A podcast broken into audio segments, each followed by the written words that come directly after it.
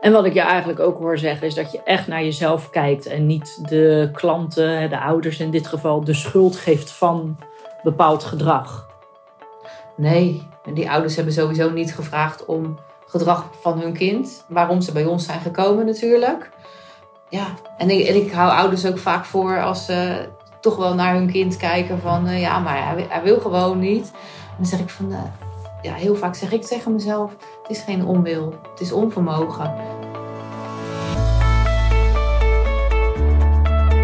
Welkom bij de podcast Jeugdzorg Next Level...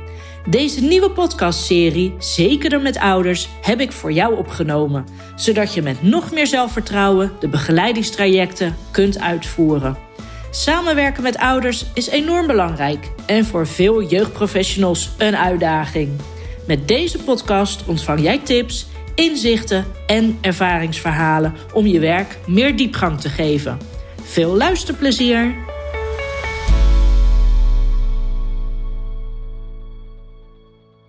Hallo, welkom bij deze nieuwe podcast. Wat super leuk dat je hier weer naar luistert. En in deze aflevering heb ik een gast. Marion Lamens, mijn collega bij Happy Kids Care, is hier te gast. En in deze podcast gaan we het hebben over samenwerken met ouders.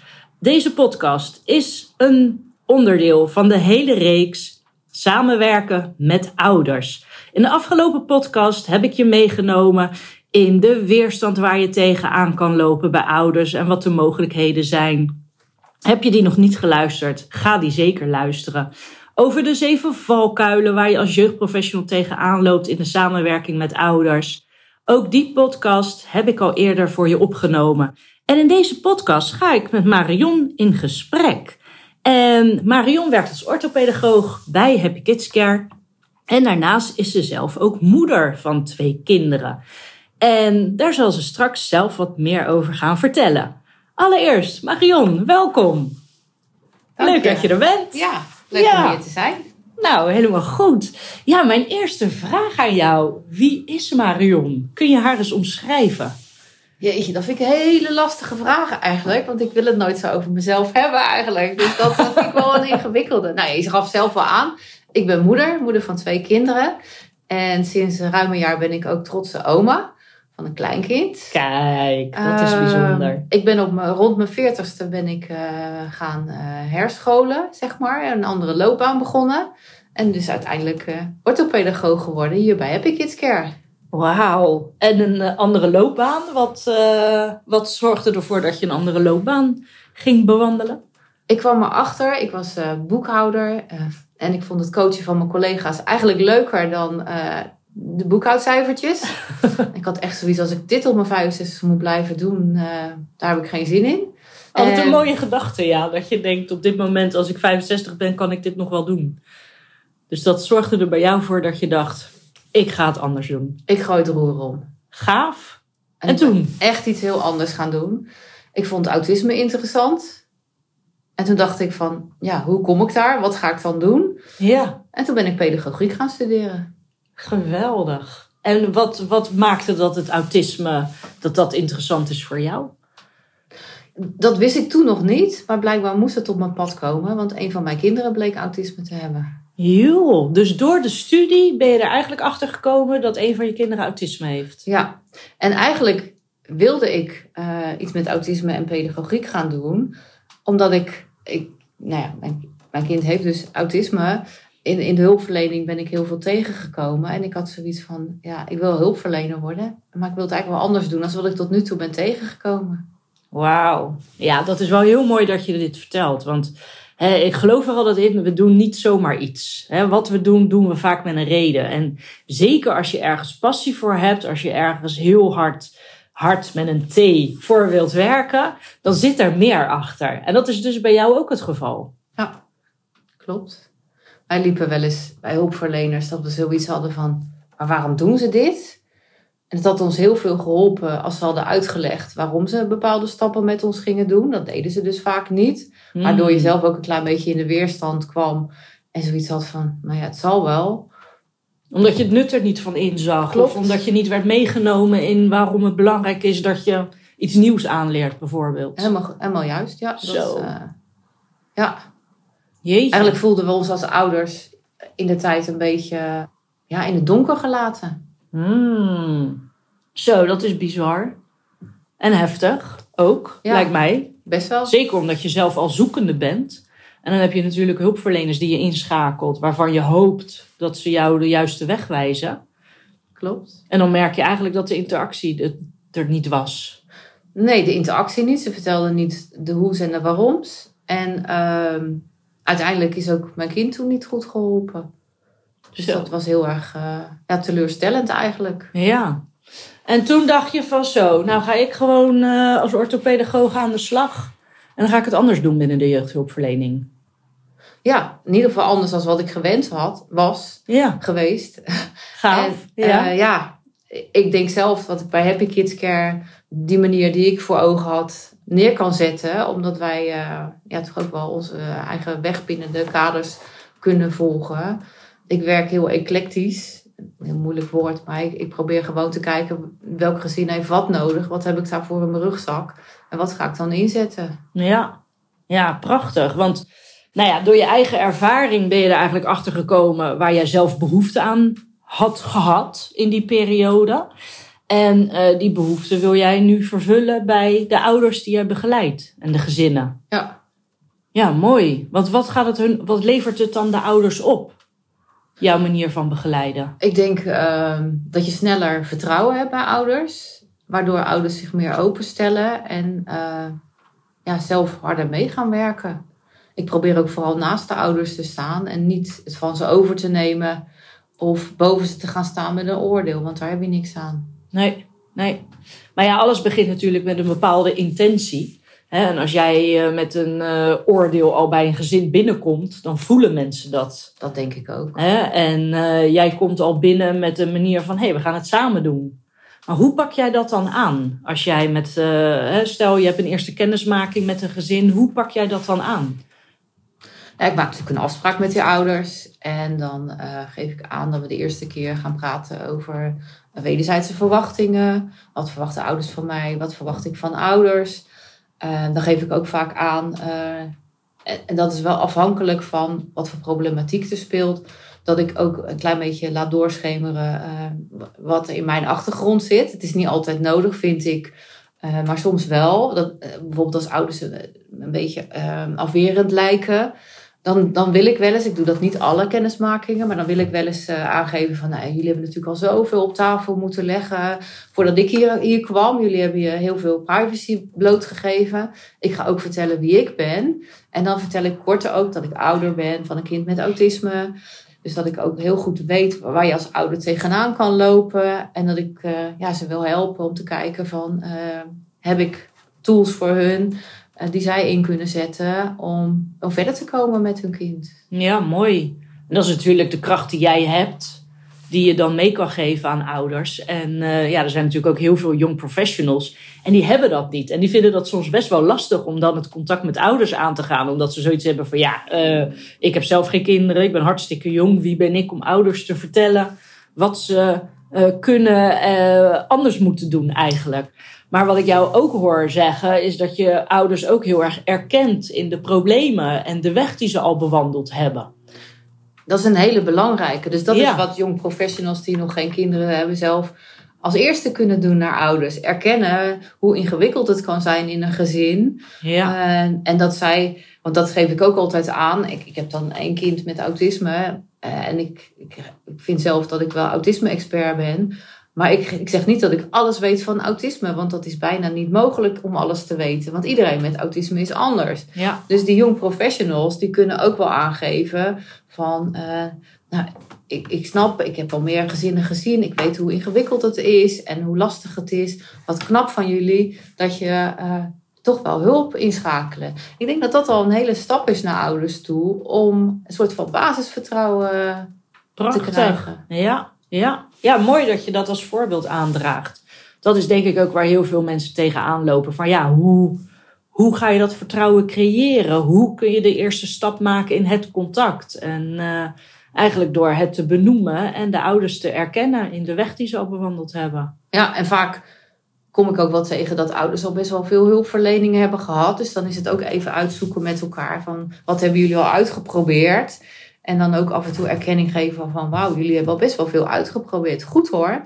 En, maar dan hoor je ook wel eens terug van, uh, ja, nou, ik krijg het idee dat niks gaat helpen. Mm. Dus dan is het ook weer belangrijk om ze daarin te erkennen dat dat inderdaad heel lastig is. En dat ik ook geen garanties kan geven dat het binnen een week of binnen een maand of een jaar helemaal opgelost is. Nou, mooi. Uh, maar dat ik Ja. wel samen met ze kan gaan kijken ja, of de verandering uh, ingezet kan worden op de een of andere manier. En, en met voorbeelden Ja. komen wat, wat ik in mijn pakketje heb en wat we zouden kunnen uitproberen. Want ja, ik benoemde net al, en dan hebben we het nu even over de doelgroep kinderen met autisme, maar ook Mhm. kinderen met ADHD. Die Ja. zijn ook allemaal verschillend. Ja. Dus dan kan ik wel een mooie oplossing hebben, wat bij één of twee gezinnen heeft gewerkt. Maar als dat kind van het gezin waar ik dan op dat moment zit, eh, net, net de problematiek anders uit, Mhm. dan kan dat wel helemaal niet helpend zijn. Dus dan kan ik het wel voorleggen. En dan zeggen ze misschien, dat gebeurt ook best wel eens, ah, dat hebben we al lang geprobeerd. En dan zeg ik, nou, dan gaan we dat niet meer uitproberen. Want wat Nee. jullie al geprobeerd hebben, dat, eh, dat werkt blijkbaar niet bij jullie kind. Dan gaan we kijken wat er wel werkt. Ja. ja, mooi hoor. Want waarom is de samenwerking met ouders zo belangrijk? Ik kan wel zelf alleen met een kind gaan, eh, gaan werken. Maar uiteindelijk is het de bedoeling dat ouders het zelf gaan doen. En dat ze zelf, wat ik eventueel in zou kunnen zetten, eh, uit gaan voeren. Dus als ik Mhm. ze er niet bij betrek, dan verandert het kind misschien wel. Maar veranderen de ouders niet.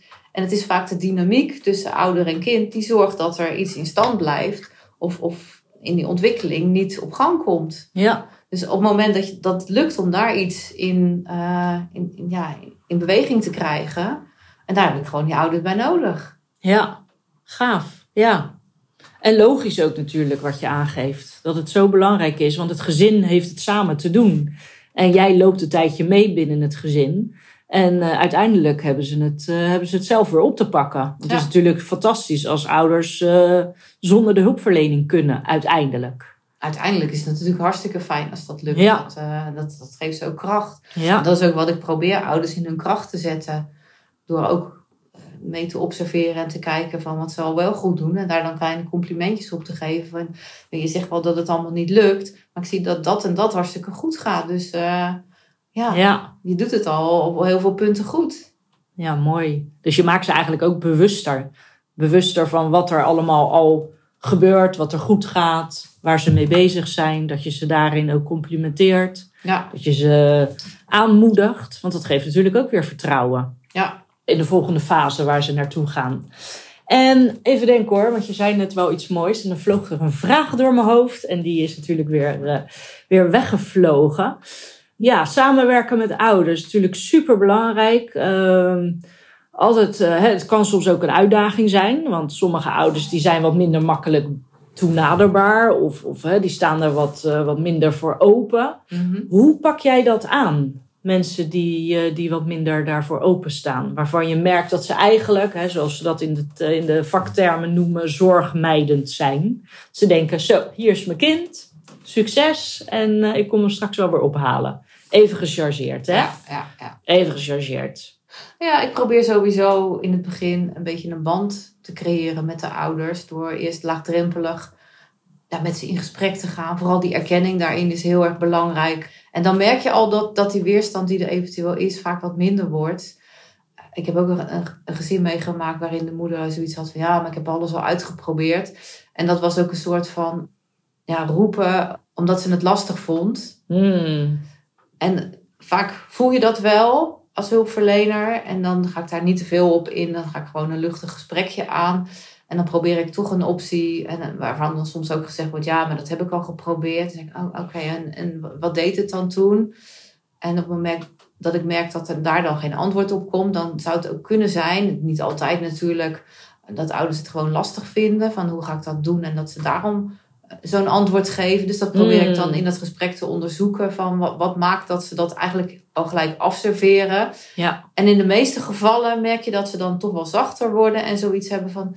oh, ze, ze- ze heeft geen oordeel erop dat, dat het niet gelukt is. Hmm. Ehm, dat vul ik natuurlijk in. Dat, dat zijn mijn gevoelens erbij van wat ik denk dat het is. Ik probeer ook altijd wel te ondertitelen als ik het gevoel krijg dat ze op mij reageren. Omdat ze denken van, oh, jij veroordeelt mij. Hmm. Dat zeggen ze dan niet hardop.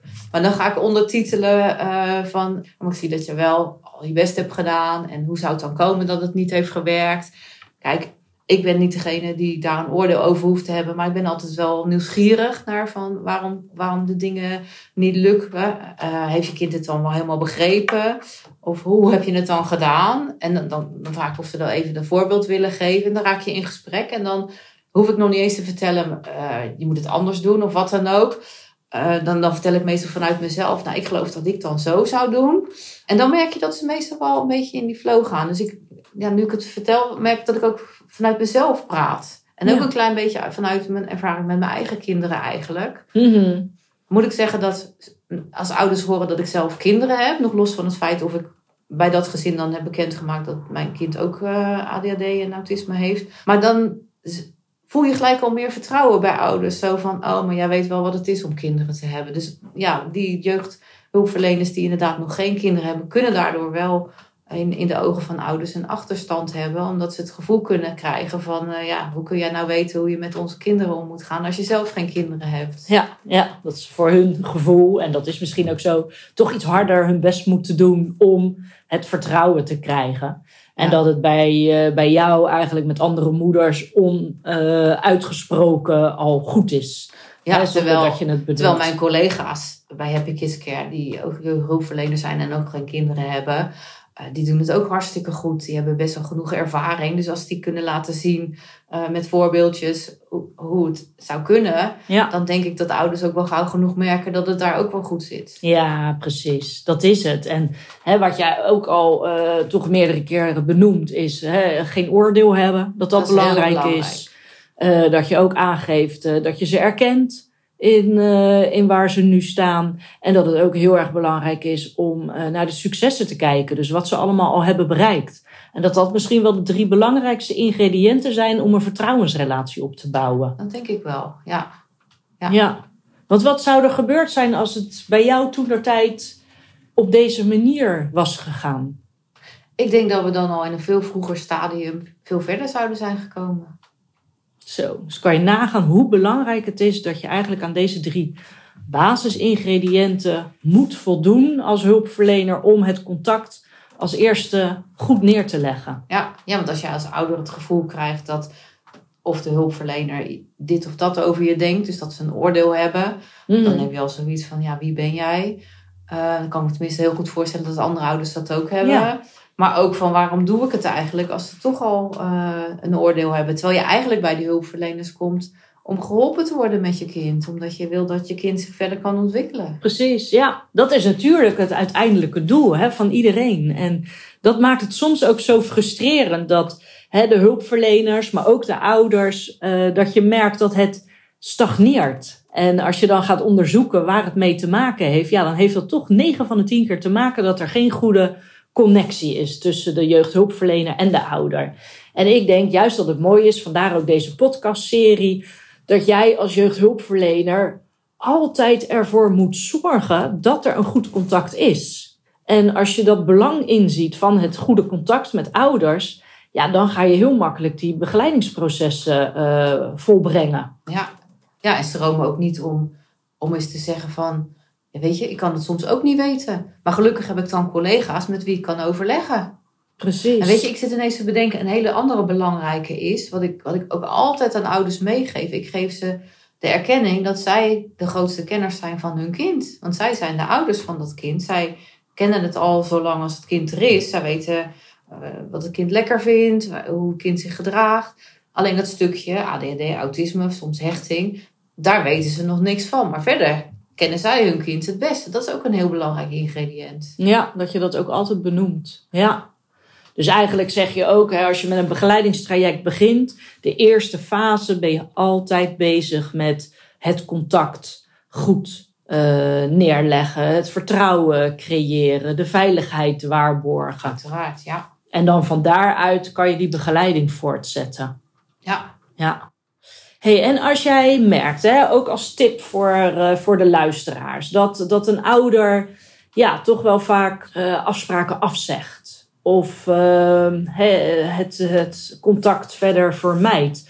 Wat zou jij dan adviseren? Hoe zou je dat kunnen aanpakken? Ik ga altijd eerst bij mezelf kijken van de laatste afspraak voordat die afspraken afgezegd gingen worden. Wat is er toen gebeurd? Is er iets gezegd waar, waarvan ze stress hebben gekregen, wat ze spannend vonden? Als ik het gevoel heb dat ik bijvoorbeeld iets heb gezegd waardoor ze zoiets hebben van: Oh, ik weet niet of, dit, uh, of dit wel aandurf dan probeer ik het op een hele voorzichtige manier toch in een, als ik wel weer een gesprek heb, dan begin ik wel weer voorzichtig met, uh, met die erkenning en het contact maken. Eerst die veiligheid weer creëren. En dan uh, ga ik heel, heel voorzichtig onderzoeken ja, of, er iets is wat ik heb gezegd, waardoor ze uh, die afspraken hebben afgezegd. Soms blijkt het ook gewoon te zijn dat ze echt ziek zijn geweest of dat er echt iets aan de hand is. Dus dat betreft moet je echt heel voorzichtig die, die navraag doen. Zodat ze niet het idee krijgen van, uh, waar ben je nu mee bezig? En, uh, nee, precies. Dat maar ik, ik, heb achterdochtig worden. Ik heb wel een gezin waarin ik heel sterk het idee had dat die ouder het heel spannend vond waar we mee verder zouden gaan. En dus dat, dat, dat onderwerpje heb ik even laten liggen. En toen is ze gewoon weer teruggekomen. En toch, omdat er genoeg vertrouwen was, zijn we weer verder kunnen gaan en komen we in hele kleine stapjes verder. Dus toen dacht ik bij mezelf, misschien waren mijn stappen te groot. Hmm, het is heel belangrijk om zelf te reflecteren en om af en toe even die helikopterview te nemen. Om te kijken van, ja, wat is er gebeurd in het contact met die ouders? Uh, waar, waar, heb ik misschien een steekje laten vallen? En daar ligt het natuurlijk niet altijd aan mij, maar ik ben wel degene die, die, ja, die leading is in dat contact voor mij. Ik voel me verantwoordelijk voor het goede contact. Dus mhm. daar kijk ik dan zelf wel als eerste naar. Ja, oh mooi hoor. Ja, heel duidelijk. En je legt het ook echt bij jezelf neer. Dus als je merkt dat er bepaalde weerstand is, dat een ouder hè, wat meer uit beeld aan het verdwijnen is, of uh, hè, voor je gevoel, dat je eerst voor jezelf gaat, na gaat kijken en bedenken van hé, hey, wat is er vorige keer afgesproken? Wat uh, heb ik misschien iets verkeerd gezegd? Uh, is er een bepaald onderwerp aangesneden wat misschien te spannend is? Dus dat je voor jezelf eigenlijk ja, aan jezelf vragen gaat stellen, antwoorden gaat bedenken en dan van daaruit weer het contact gaat herpakken. Ja, ik heb het ook wel meegemaakt dat in een gezin zoveel speelde. Dat ouders eigenlijk in de overlevingsstand stonden. Dat ze eigenlijk in de, in de, in de basispyramide uh, zeg maar, de veiligheid niet meer ervaarden. Um, en als die basisvoorwaarden, als daar niet aan voldaan wordt, mm. dus ook, ook dat, dat de veilige woonsituatie, genoeg eten en drinken en, en dat soort dingen meer. Uh, dan staan ouders in de overlevingsstand. Dan kun jij nog heel veel willen gaan veranderen daar. Maar dan is het belangrijk dat ze eerst de rust krijgen om die veiligheid weer te voelen. En om, uh, om van daaruit langzamerhand weer uh, verder te gaan. Een stap verder te kunnen zetten, ja. Dus dat is ook heel belangrijk om naar het totaalplaatje te Zeker blijven kijken, keer op keer. Ja, en het systeem eromheen dat is natuurlijk ook heel belangrijk. Ook om dat mede in, in, in beweging te krijgen. En natuurlijk heb je daar niet direct contact mee, maar in je gesprekken kun je het af en toe een klein beetje aanraken. En dan kijken van uh, waar liggen de contacten en kunnen die misschien uh, ook ondersteunend zijn, al is het maar mentaal. Ja. ja, mooi. En wat ik je eigenlijk ook hoor zeggen is dat je echt naar jezelf kijkt en niet de klanten, de ouders in dit geval, de schuld geeft van bepaald gedrag. Nee, en die ouders hebben sowieso niet gevraagd om gedrag van hun kind. Waarom ze bij ons zijn gekomen natuurlijk. Ja, en ik, hou ouders ook vaak voor als ze toch wel naar hun kind kijken van... Uh, ja, maar hij, hij, wil gewoon niet. Dan zeg ik van... Uh, ja, heel vaak zeg ik tegen mezelf... het is geen onwil, het is onvermogen. Zou dat zo kunnen zijn? Die vraag stel ik dan nog eens, want als je te stellig bent, heb je kans dat je ze ook weer uh, van je afduwt. Ja, mooi. Dus eigenlijk pak je het een beetje in, die vraag van zou het kunnen dat? Ja. Het on, onkunde, nee, jij noemt het on... Uh, onmacht. Onmacht, ja. Uh, onwil. Het is geen onwil. onwil, het is onvermogen. Onvermogen, dat is het juiste woord. Ja. En daar pak ik dan ook altijd mijn tools bij. Ik bedoel, heel vaak in de gezinnen met autisme, maar ook wel met de ADHD, kom ik met mijn brainblocks en leg ik ook uit uh, hoe het anders gaat in dat brein. En dan zie je al dat er veel begrip komt bij ouders. Dat ze denken van, oh, oké, dus het zit in het brein. Uh, dus oh, hij ligt niet expres. Als ik dan zeg dat het mm. soms komt dat, dat er wel informatie naar binnen is gekomen, maar dat hij op een heel ander plekje in dat hoofd komt waar het kind niet meer bij komt. Prachtig. Dus dan, dan ga je het ook eigenlijk uh, uitleggen. Uitleggen aan ouders hoe het komt dat een kind zich zo gedraagt. Ja. Dus dat je ze laat zien wat erachter zit. Ja. Ja, mooi. En dan kunnen ze loslaten dat het kind uh, nou, vervelend is of hoe je een kind met dat gedrag laat zien kan noemen. Uh, dan gaan ze echt, nou, ik gebruik altijd de vergelijking met de ijsberg. Het topje van de ijsberg is boven water. Dat is het gedrag wat je ziet van dat kind. Mhm. En dat is natuurlijk ook waar heel veel volwassenen op reageren. Maar op het moment dat het je lukt om onder water te kijken wat daar speelt. En als je daar dan op ingaat, dan zal je zien dat het gedrag boven water heel anders gaat worden. Ja, prachtig. En die vergelijking gebruik ik ook heel vaak in mijn begeleidingen. En dat, ja, dat snappen ouders ook vaak wel. Ja, ja, ja. Maar ja, dat is natuurlijk ook heel beeldend. Hè, dat, ze dat, uh, dat ze dat zien. Ja.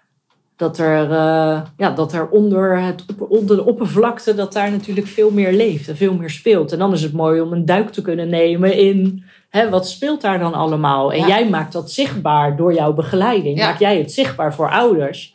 Waardoor ze dus ook meer begrip kunnen krijgen voor de kinderen. Ja, en dat is waar je naartoe wil. Eerst begrip ja. En, en, dan gedragsverandering. In de oude cursus die ik met een collega geef, zijn we daar ook heel erg mee bezig. Dat je bewust bent van je eigen waarde als ouder.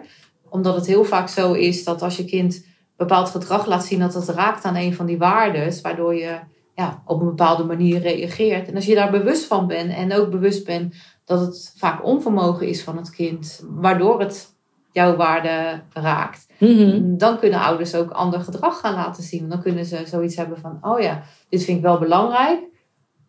Maar ja, als die er niks aan kan doen, moeten we even kijken hoe we dat anders kunnen doen. Ja, ja prachtig. Prachtig. Dus dan krijg je niet alleen een ander gedrag bij het kind, maar ook bij ouders. En dat is ook wat je wil, dat, dat die wisselwerking ja. op een positieve manier veranderd wordt. Ja, ja, en wat ik eigenlijk ook hoor in jouw verhaal, is dat je het niet expliciet benoemt naar de ouders wat ze anders moeten doen. Nee, dat is aan hun. Ja. Ik ga niet bepalen wat zij. Ik geef tips, wat ze zouden kunnen inzetten. Nee, het is geen garantie dat het werkt bij hun. Nee. Of dat het past bij hun. Dat, dat vind ik ook altijd belangrijk dat ze dat zelf gaan onderzoeken. Ja. Ja. ja, eigenlijk geef jij de ouders inzichten mee. Hè, wat er uh, gebeurt in het brein, wat er achter het gedrag uh, zit. Dat je ze daarin uh, wat meer meeneemt. En dat, dat, dat dat juist zorgt voor acceptatie. Ja. En ja, door acceptatie gaat er ook ruimte plaatsvinden voor verandering. Ja. Ah, mooi hoor. Jeetje, jij hebt al heel veel waardevolle tips gedeeld in deze, deze podcast. Ja, wat, wat zou jij vanuit jouw rol als orthopedagoog nog aan de young professionals mee willen geven? dat zijn toch de young professionals die komen van school, uh, die werken al een aantal jaar in het werkveld en ja, die lopen toch tegen bepaalde struggles aan in de samenwerking met ouders. Wat zou jij ze mee willen geven? Laat je niet gelijk uit het veld slaan.